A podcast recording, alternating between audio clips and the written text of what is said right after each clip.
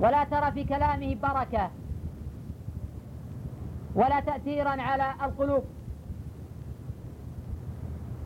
بينما الأئمة السابقون يتحدث الواحد منهم بالكلمة الواحدة تشرح في المجلدات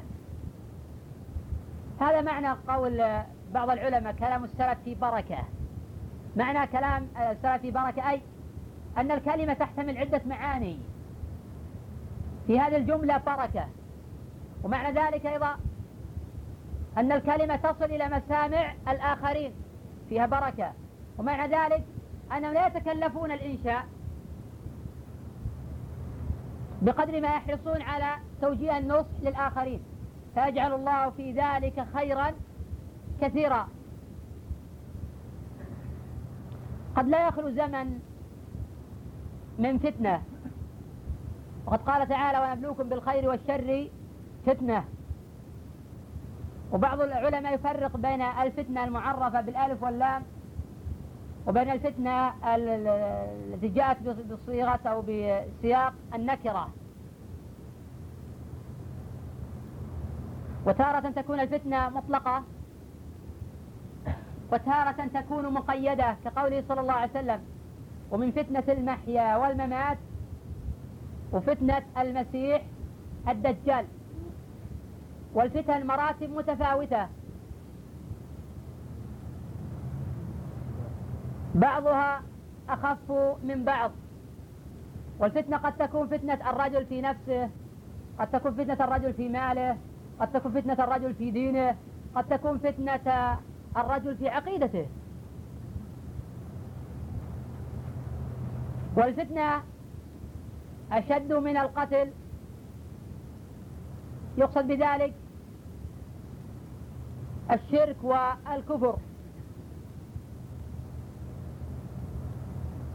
فحين يقال بأن الفتنة عظيمة لما يترتب على آثار الفتنة من انحراف في السلوك انحراف في التصور انحراف في العمل. حين يقال فلان مفتون في هذا الباب باعتبار أنه تغير من الأمر الذي هو عليه وانتقل إلى أمر أسوأ. يتصور بعض الناس أن الفتنة محصورة بواقع عام بواقع قتال بين فئتين أو بين طائفتين. وهذا أخف بكثير من كون الإنسان يفتن في دينه وفي عقيدته وفي سلوكه. ومن هنا كان أئمة السلف في أوقات الفتن يحرصون على العبادة لما جاء فيها من الفضل العظيم والثواب الكبير وللتأسي بالنبي صلى الله عليه وسلم في قوله وفي فعله. ولما في ذلك من الثبات على الأمر. يحرصون على أمرين. الأمر الأول العبادة المؤدية إلى الثبات على المبدأ والثبات على التصور الحقيقي والاعتقاد. ولأن هذه العبادة وقاية من الفتن ما ظهر منها وما بطن. الأمر الثاني العلم. فإنه هو الذي يصور ويجلي الأمور على حقيقتها. والعلم هو تصور الشيء على ما هو عليه. العلم هو تصور الشيء على ما هو عليه. والعلم منه ما هو فرض عين ومنه ما هو فرض كفاية. ومن وجه آخر العلم منه ما هو مشروع ومنه ما هو غير مشروع. ومن وجه آخر العلم منه ما هو نافع لصاحبه ومنه ما هو ضار. وإذا أطلق العلم فالمقصود منه العلم الموروث عن النبي صلى الله عليه وسلم. وهو الذي جاء مدحه ومدح أهله في القرآن. إنما يخشى الله من عباده العلماء. وصفات هؤلاء العلماء تتمثل بأمور أهمها الاعتقاد الصحيح المتمثل بتوحيد الإلهية وتوحيد الربوبية وتوحيد الأسماء والصفات فلا أشعرية ولا ماتريدية ولا كرامية ولا جهمية ولا إباضية وما هو دون ذلك؟ لا تحزب ولا انتماء لأحزاب ولا لجماعات ولا لغير ذلك. إنما ينتسب إلى كتاب الله وإلى سنة رسول الله صلى الله عليه وسلم. فهذا مذهبه الذي يعرف به.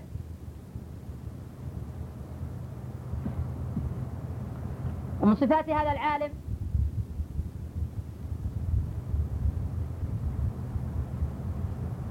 الصدق المتمثل بالأقوال والأفعال. يا أيها الذين آمنوا اتقوا الله وكونوا مع الصادقين. فحين نتأمل معنى هذه الآية وننظر في كلام أئمة السلف نرى أن المعنى أعم من كون الإنسان يصدق في حديثه. فيما هو فوق ذلك من الصدق مع الله جل وعلا في التعامل الصدق مع الله جل وعلا في العبادات الصدق مع الله جل وعلا في اتخاذ القرارات. الصدق مع الله جل وعلا. في تمثل هذا الإسلام في واقعك. فإن العالم يمثل الإسلام في قوله وفي فعله وفي سلوكه وفي تصوره.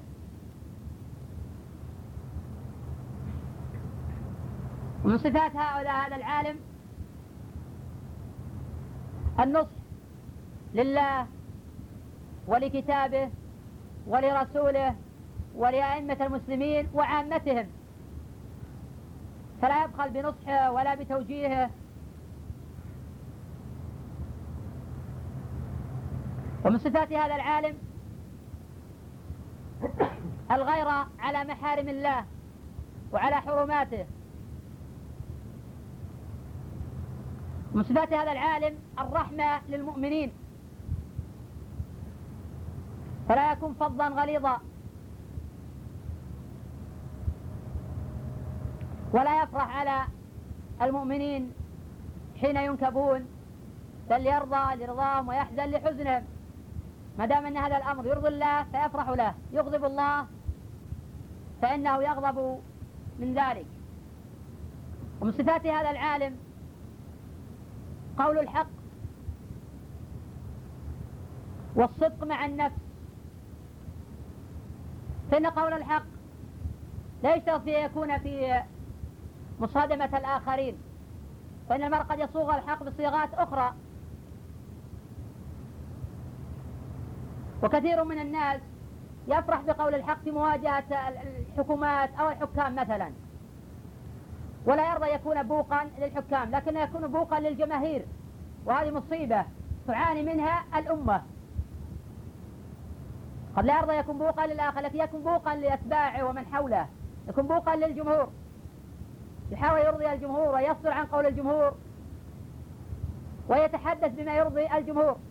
هو في الحقيقة غير صادق مع نفسه ولا مع أتباعه. فقول الحق أعم من كون الإنسان يصدع به في مجال ويحرم مجالات أخرى.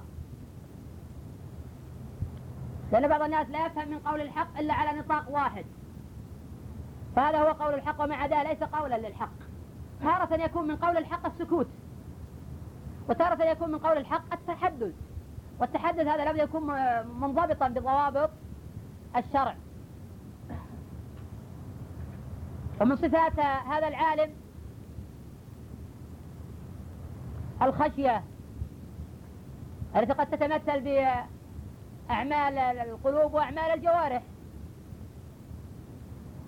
ومن صفات هذا العالم النزاهة لا غل فيه ولا حسد ولا خيانة ولا كذب ولا حقد.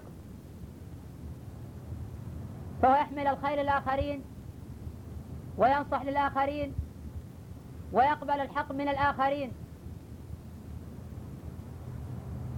صفات هذا العالم الشجاعة. صفة هذا العالم الشجاعة. وحين نتحدث عن الشجاعة قد يتصور كثيرا الشجاعة ويقول كلمة أيضا كالأمور السابقة. فيعتبر هذا شجاعة الشجاع الحقيقي هو الرجل الذي يثبت عند المبدأ الذي يعتقده ويتصوره. وليس من الشجاعة في شيء. وليس من الشجاعة في شيء. أن تقول كلمة ستفتن بها ولا تصبر على ما وراءها. لأن بعض الناس يتحدث في المجالس ليرضي أصحابه ومن حوله. فإذا ابتلي واختبر إيمانه من بهذا السبب هذه الكلمة ظهر جزعه وخوره وتراجع عما هو عليه من قبل. أفي السلم يعيار جفاء وغلظة وفي الحرب أمثال النساء العوارك. من رامنا إلى العز فليصطبر على لقاء المنايا واقتحام المضايق. فإن تكن الأيام رنقنا مشربي وسلمنا حدي بالخطوب الطوارق. فما غيرتني محنة عن خليقتي؟ ولا حولتني خدعة عن طرائقي لكنني باق على ما يسرني ويغضب أعدائي ويرضي أصادقي.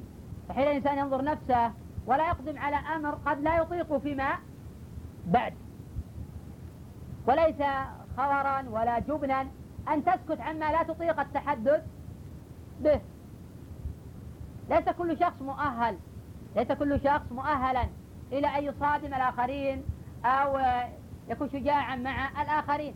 قد تكون الشجاعة هي مجرد السكوت لأن الإنسان إذا تكلم وصار شجاعا في هذا الجانب. قد لا يكون شجاعا في الثبات على آه، المبدأ. هذا يحتاج إلى إيمان وإلى علم وإلى تقدير للأمور. من جميل كلام الحسن البصري رحمه تعالى أنه يقول إذا أردت أمرا فانظر هل هو يرضي الله ويرضي رسول الله صلى الله عليه وسلم أم لا. فإن كان يرضي الله ويرضي رسول, الله صلى الله عليه وسلم فتقدم خطوة. ثم بعد ذلك تأمل هل مصلحة هذا تضفي على مفسدته أم المفسدة تضفي على المصلحة؟ فإن كانت مصلحة تضفي على المفسدة تقدم خطوة ثانية. ولا تكن شبانا ثم تقف عند المرحلة الثانية فتنظر للتقدم للخطوة الثالثة. هل أنت معان على هذا أم لا؟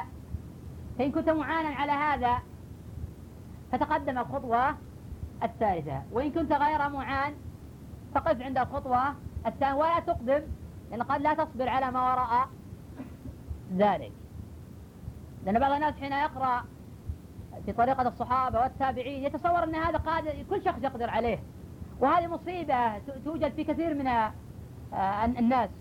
تصور أنه قادر على ما يقدر عليه الحسن البصري قادر على ما يقدر عليه سعيد بن المسيب قادر على ما يقدر عليه من هو فوق هؤلاء كأبي بكر وعمر ولا ينظر في إيمانه ومدى صبره وتحمله ونحو ذلك. قال الله جل وعلا على المؤمنين والأحزاب ولما رأى المؤمنون الأحزاب قالوا هذا ما وعدنا الله ورسوله وصدق الله ورسوله. وما زادهم إلا إيمانا وتسليما. أقف على هذا أسأل الله جل وعلا ينفعنا بما سمعنا. الله أعلم. انظر في أسئلة الأخوة. الأخ يسأل عن حكم رفع اليدين يوم الجمعة عند دعاء الخطيب. هل يحرم أو يكره أو تركه أو لا أو يجوز؟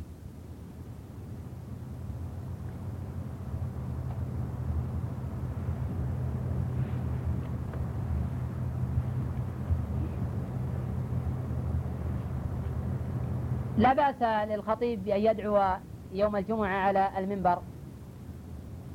سواء دعا في وسط الخطبة الخطبة أو في آخرها. جاء هذا في صحيح الإمام مسلم. أن بشر بن رؤيبة حين رأى مروان بن الحكم قد رفع يديه قال قبح الله هاتين اليدين. فما رأيت رسول الله صلى الله عليه وسلم يزيد على يقول هكذا وأشار بأصبع أي إذا دعا هذا دليل على أن الخطيب يدعو والخبر في صحيح مسلم. ولكن الفقهاء يكرهون الدعاء لشخص معين. حتى الفقهاء يكرهون الدعاء للخلفاء الراشدين. ولكن في هذه القضية تفصيل في زمن ووقت ومكان يكثر فيه أهل الرفض يكثر فيه أهل البدع.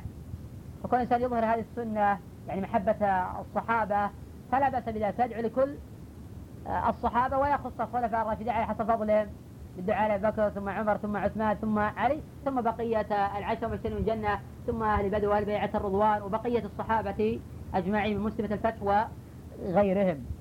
أما في بلد لا يكثر فيها هؤلاء فالأولى الابتعاد عن ذلك والدعاء على حسب الحاجة وعلى حسب واقع الناس وما يحتاجون إليه. إذا دعا الخطيب لا يشرع له رفع اليدين. فإذا رفع الخطيب يديه في هذه الحالة فإنه مخطئ ويعتبر عمله بدعة. لأن البدعة الإحداث في الدين بدون دليل. ولا يعني هذا أنه إذا قيل بدعة أن يكون الخطيب مبتدعا. لأن بعض الناس يسيء فهما. فأضطر دائما. أن أكرر أشياء المفروض أن الأخوة يعونها دائما أن الحكم على النوع غير الحكم على العين.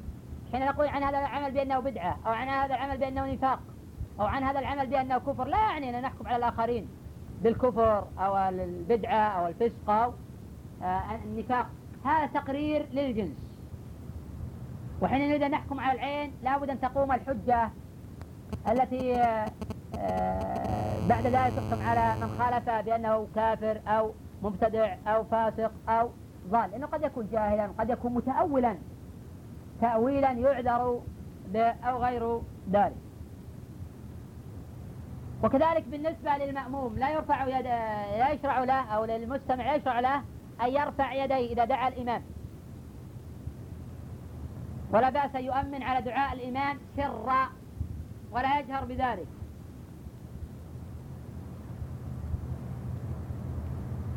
في حالة واحدة يشرع للإمام أن يرفع يديه ويشرع للمأموم أن يرفع يديه ويؤمن على ذلك. ما هي هذه الحالة؟ هلا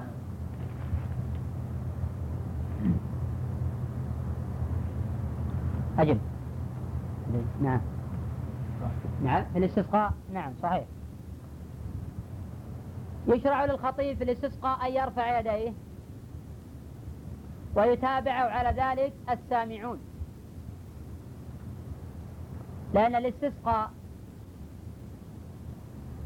لا يشترط فيها الخروج إلى الصحراء. قد نستسقي ونحن في أماكننا الآن. قد يستسقي الخطيب على المنبر قد نخرج إلى الصحراء.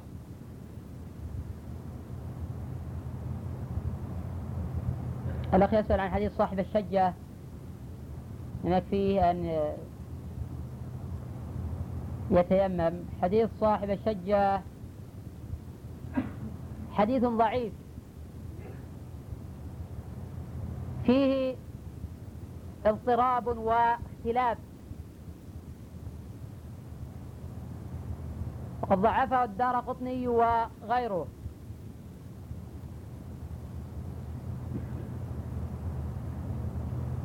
قد قال النبي صلى الله عليه وسلم إذا أمرتكم بأمر فأتوا منه ما استطعتم. فمن قدر على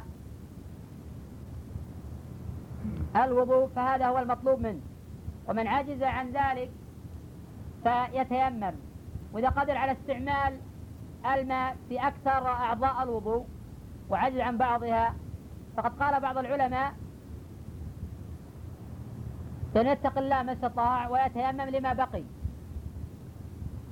وقال آخرون بأنه يسقط عنه التيمم. لأنه لا يجمع بين البدل والمبدل منه. وقد ثبت عن ابن عباس التيمم في هذه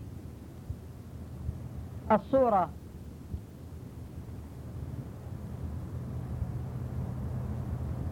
الأخ يسأل يقول هل يصح حديث من أصل بيده إلى ذكره ليس دونه فقد وجب عليه الوضوء؟ هذا الحديث بهذا اللفظ ضعيف. ومحفوظ في الباب حديث بسرة بنت صفوان أن النبي صلى الله عليه وسلم قال من مس ذكره فليتوضأ.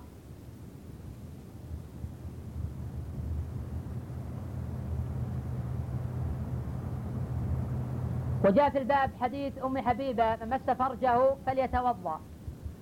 وقد اختلف الفقهاء في هذه المسألة. فقال الإمام أحمد وأكثر العلماء بأن مس الذكر ينقض الوضوء مطلقا. سواء مس بظاهر كفه أو بباطنها. واليد من أطراف الأصابع إلى الكوع. العامة يقولون هذا لا يعرف كوعه من كرسوعه والكثير من المنسوبين للعلم لا يعرف الكوع من الكرسوع. وننظر ماذا عند الأخوة من طلبة العلم. ما هو الكوع من الكرسوع. فرق لي بين الكوع والكرسوع. أي نعم. لا نعم. جيد. فرق لي بين الكوع والكرسوع. نعم. هذا الكوع هذا الكرسوع وهذا الرسل. نعم. صحيح.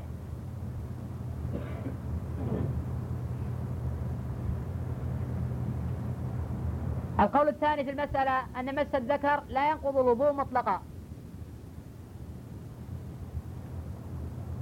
وهذا اختيار شيخ الإسلام تيمية رحمه تعالى ولا استقر عليه رأيه في آخر حياته. المذهب الثالث. أن مس الذكر ينقض بشهوة بدون شهوة لا ينقض الوضوء. وهذا اختيار الإمام مالك رحمه الله تعالى. والإمام مالك رحمه الله تعالى حاول يجمع بين الأدلة. مس ذكر فليتوضأ وإنما بضعة منك فحمل هذا على الشهوة وذاك على غيرها. وهذا قول ابن تيمية رحمه تعالى فيما قبل ثم رجع عنه فيما بعد ورأى أن مس الذكر لا ينقض الوضوء مطلقا. الصحيح أن مس الذكر ينقض الوضوء مطلقا لوجوه. الوجه الأول أن حديث بسرى أصح من حديث طلق. الوجه الثاني أن حديث بسرى ناقل عن الأصل. وحديث طلق مبقي والناقل يقدم على المبقي على الأصل؟ الوجه الثالث أنه قد قال بحديث بسرى أكثر المهاجرين والأنصار. وهو مذهب سعد بن أبي وقاص وابن عمر وجماعة من الصحابة.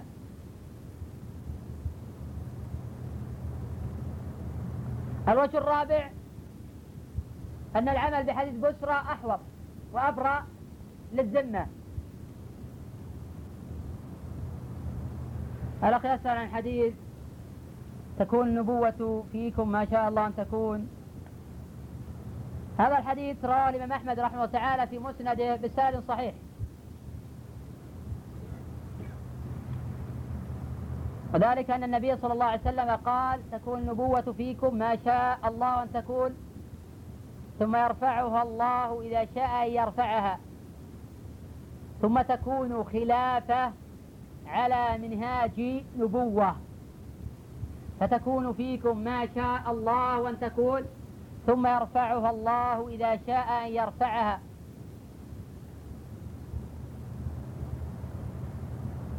ثم يكون ملكا جبرية فيكون فيكم ما شاء الله أن يكون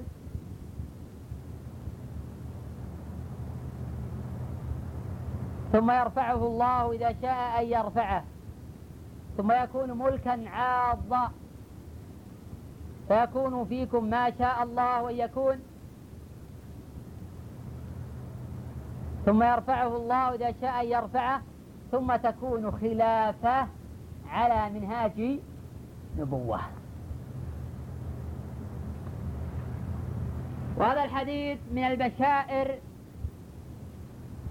في قيام هذا الدين وانتشاره وارتباط حاضره بماضيه. وفي مسند الإمام أحمد من حديث صفوان بن مسلم عن سليم بن عامر أن النبي صلى الله عليه وسلم قال لا يبلغن هذا الأمر ما بلغ الليل والنهار.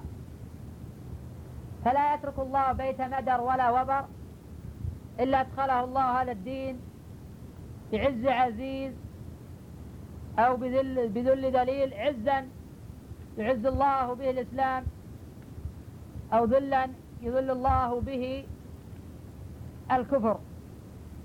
كذلك حديث الطائفة المنصورة أن النبي صلى الله عليه وسلم قال ولا تزال طائفة من أمتي على الحق منصورين. لا يضرهم من خذلهم ولا من خالفهم حتى يأتي أمر الله تبارك وتعالى. وهذا الخبر متواتر عن النبي صلى الله عليه وسلم جاء من رواية خمسة عشر صحابيا وقد يزيدون. ففي أن الحق لا يزول بالكلية فلا زال في المسلمين والمؤمنين من يحمل هذا الدين. ومن يبلغ الحق المبين إلى العالمين. فلا يحمل هذا العلم من كل خلاف عدوله. ينفون عنه تحريف الغالين وانتحال المبطلين وتأويل الجاهلين. ومهما فشت الضلالة وسرت الغواية ومهما حاول الأعداء من تشويه هذا الإسلام وتشويه هذا الدين وكبت الصالحين إلا أن الإسلام سوف يمتد. وتمتد رقعته ويظهر. ولا يكون في العالمين بيت مدر ولا وبر إلا دخله الله هذا الدين. ولكن هذا يحتاج إلى نصر. فإن الإسلام بدأ غريبا وسيعود غريبا كما بدأ. الأخ يسأل عن آه، العالي يقول هل هذا أثر أم حديث؟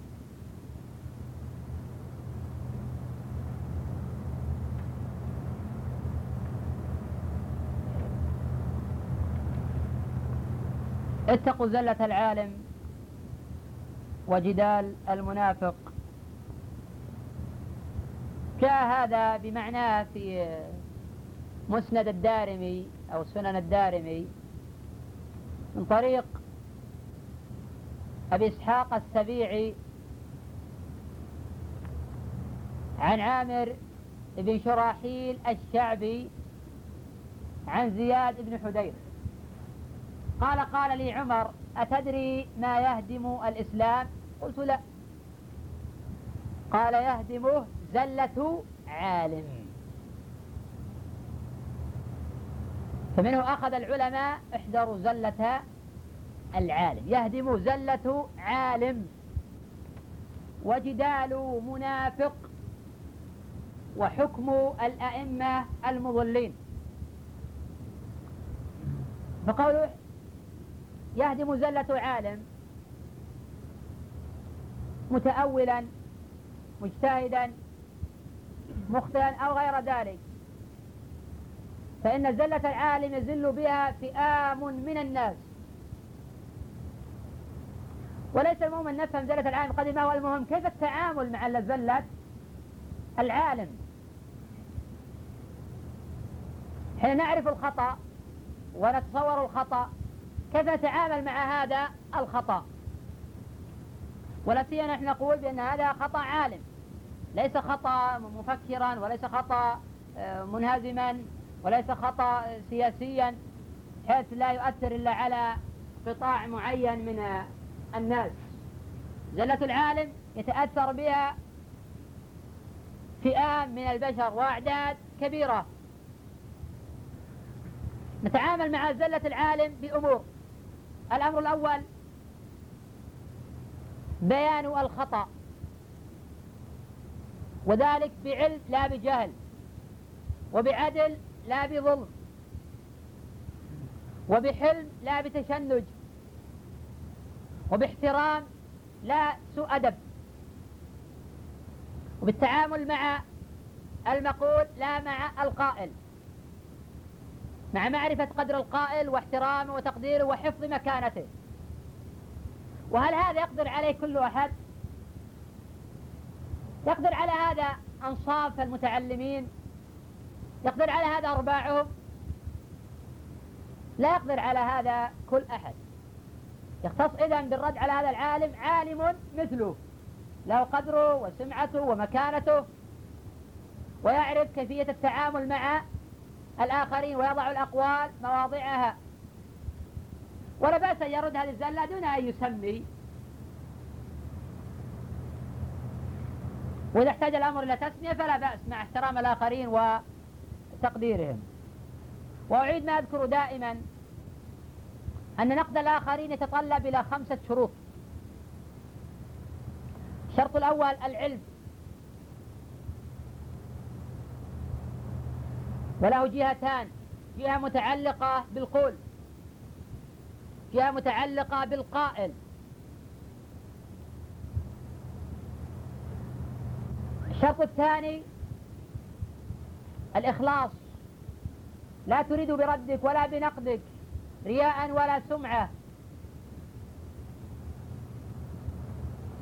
قل لا أسألكم عليه أجرا. أي منفعة دنيوية. لا أريد مالا لا أريد سمعة لا أريد رياء لا أريد رفعة من من الخلق. أريد إرضاء رب العالمين. ولا فقد ترد وتصيب وأنت تريد الرياء والسمعة أو التبوء المناصب. وتنال ما تريد وتطلب. ولكن قال صلى الله عليه وسلم إن الله لا يؤيد هذا الدين بالرجل الفاجر. متفق على صحته. الشرط الثالث العدل. الشرط الثالث العدل. العدل مع الآخرين. ولا يجرمنكم شنآن قوم على ألا تعدلوا. اعدلوا. اعدلوا. هو أقرب للتقوى. والعدل يتمثل بأمور. الأمر الأول العدل في المقالة. إذا كانت العبارة والمقال تحتمل عدة معاني لا وجه لكون يحملها على معنى واحد دون بقية المعاني.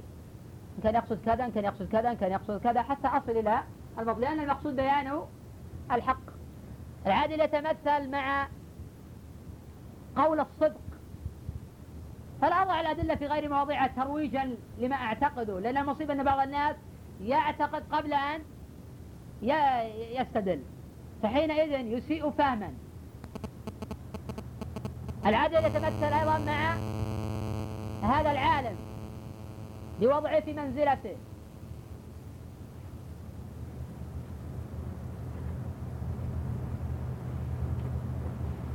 الشرط الرابع الإنصاف وهذا أخص من العدل. العدل أعم من الإنصاف والإنصاف أخص من العدل.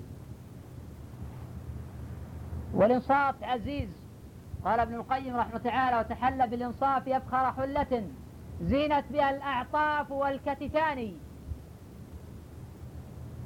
وإنما يترك الإنصاف لغلبة الهوى. إنما يترك الإنصاف لغلبة الهوى. والهوى يعمي ويصب.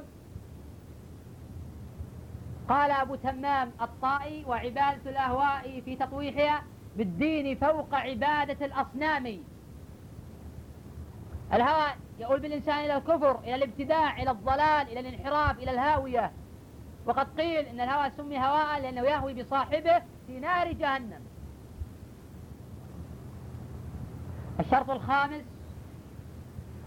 الرحمة. الشرط الخامس الرحمة. حتى ترحم العالمين.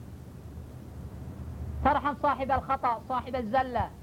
لا تحب التشفي منه ولا تحب إهانته ولا تجرئة العامة عليه. لا تحب تنغيص معيشته ولا تجريمه. إنما أحب إظهار الحق. ولأن كثيرا من الردود لا أقول بعض الردود فإن كثيرا من الردود توقع في الضغائن وتوقع الآخرين في الإصرار على أقوالهم وأفعالهم. حين أرد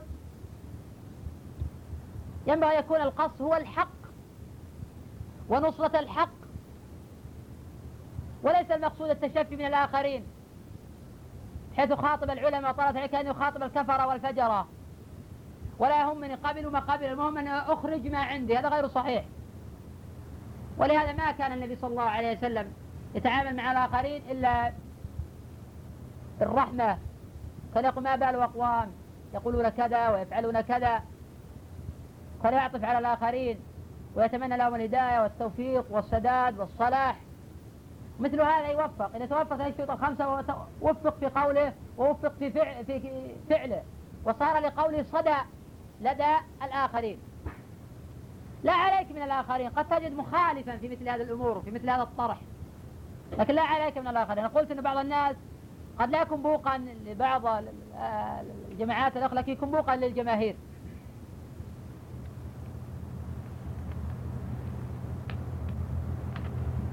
الأسئلة كثيرة لكن في كثير من التشابه.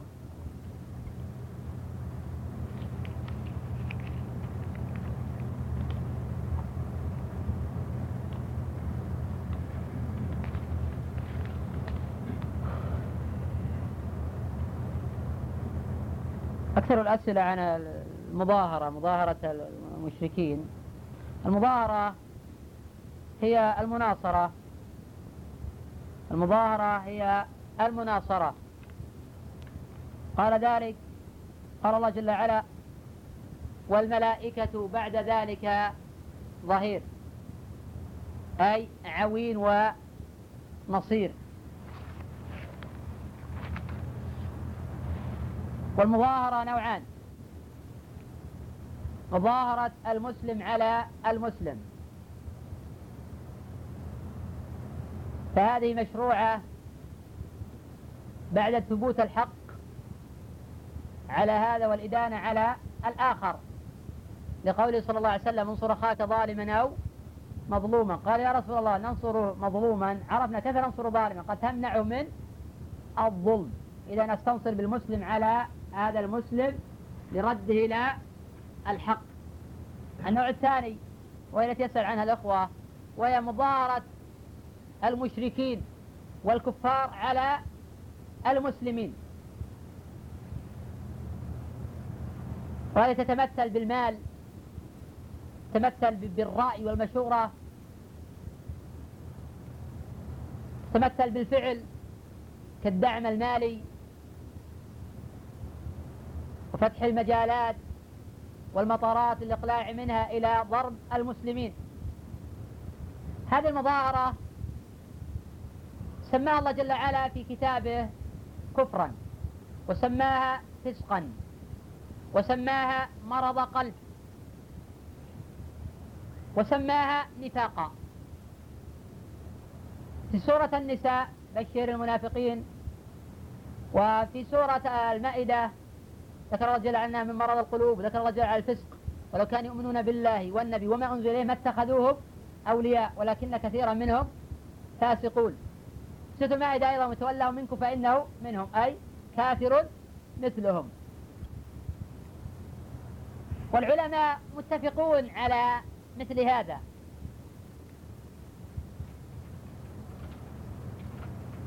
ولا يصح في ذلك دعوى الإكراه. وقد قرأت فتوى.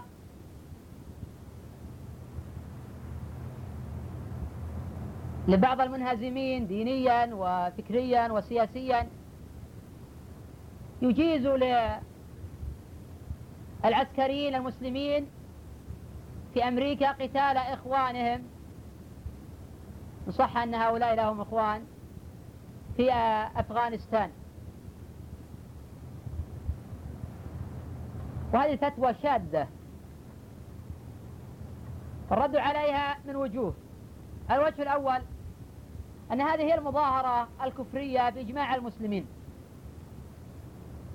فكيف يجاز الكفر بدافع الضرورة أو الحاجة أو غير ذلك؟ الأمر الثاني أنهم ذكروا في هذه الفتوى أن هذا لقمع الإرهاب وهذا ضلال آخر. لأن هذا يقتضي وصف الإخوان المسلمين بإرهابيين. وهذا يجرنا إلى تحديد مسمى الإرهاب ومعنى الإرهاب وتحدثنا عنه كثيرا. الأمر الثالث أنه لم يقل فقيه قط لو كان هؤلاء عندهم شيء من الفقه لمنعهم عن التجرع على حرمات الله. لم يقل فقيه قط بأن يجوز للمسلم يقتل مسلما ليحيي نفسه. فليس دمه بأرخص من دمك. وليس دمك بأغلى من دمه. تقتل مسلما لتحيي نفسك أو لتنال منصبا أو لتبقى في وظيفتك هذا لم يقل به فقيه قط. وفي غير ذلك من الأوجه تقتضي بطلان هذه الفتوى. وأنه لا رصيد لها من الواقع ولا رصيد لها من العقل ولا رصيد لها من الدين والصلاح. وقد سبق الحديث عن المظاهرة مرارا فلا أعيد ما تقدم ذكره وتكراره الأخ يسأل عن حديث رحمه الله امرأة صلى قبل العصر أربعة. هذا الحديث ضعيف. رواه الترمذي وغيره من حديث ابن عمر. وقال عنه الترمذي حسن غريب. وقد أنكره أبو زرعة.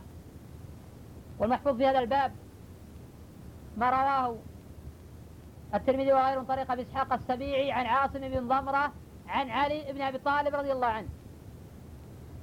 قال كان رسول الله صلى الله عليه وسلم يصلي قبل العصر أربعة. قبل العصر قبل صلاة العصر. وليس معنى قبل العصر قبل أذان العصر. فهذا غلط. قبل العصر قبل صلاة العصر.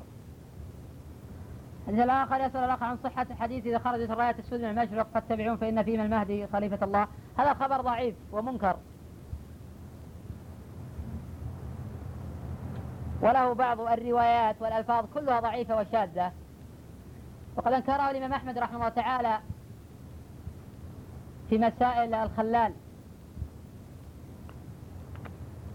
وقد جاء عند الترمذي بسند صحيح. حديث سفيان عن عاصم بن أبي النجود عن زر بن حبيش عن عبد الله بن مسعود رضي الله عنه أن النبي صلى الله عليه وسلم قال لو لم يبقى من الدنيا إلا يوم واحد. لكفر الله هذا آه، لو لم يبقى الدنيا يوم واحد طول الله هذا اليوم. يسبق على اللسان بعض الألفاظ لأني أمسك بعض الأسئلة وفيها الأخ يسأل عن الكفارة. يسبق استعجال الوقت.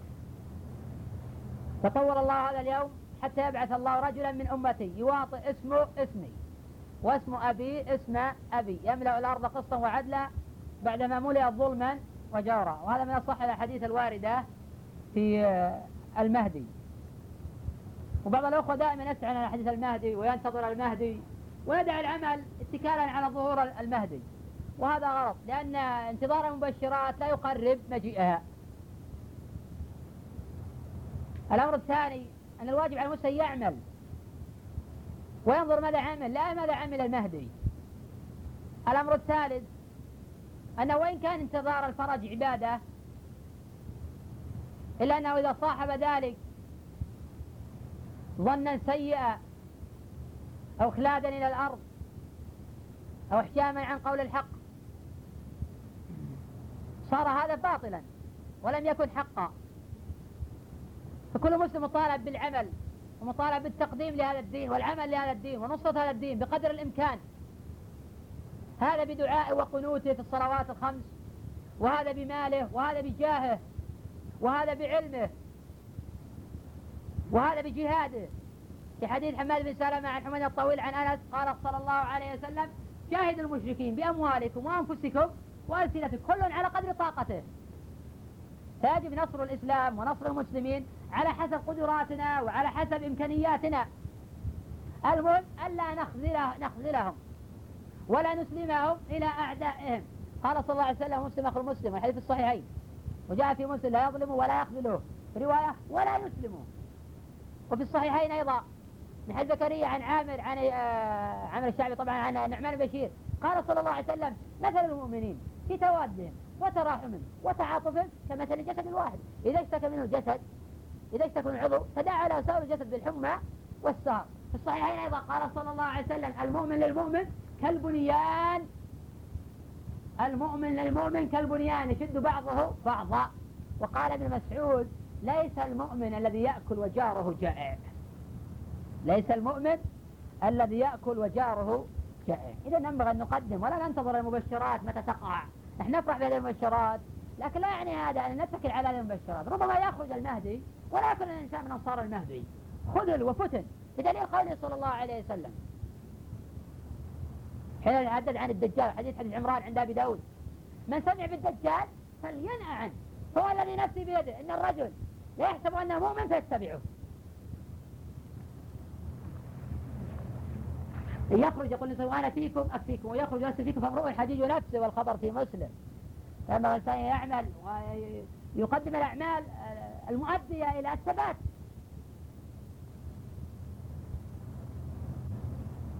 الأخ يسأل عن يقول ما هي كفارة الاستمناء في نهار رمضان؟ الاستمناء معروف الحديث عنه والكلام فيه.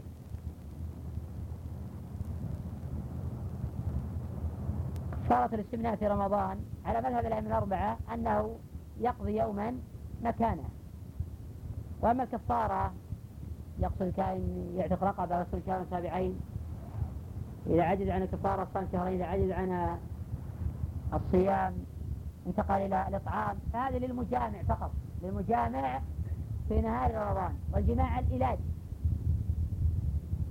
فإذا أولد فعليه هذه الكفارة.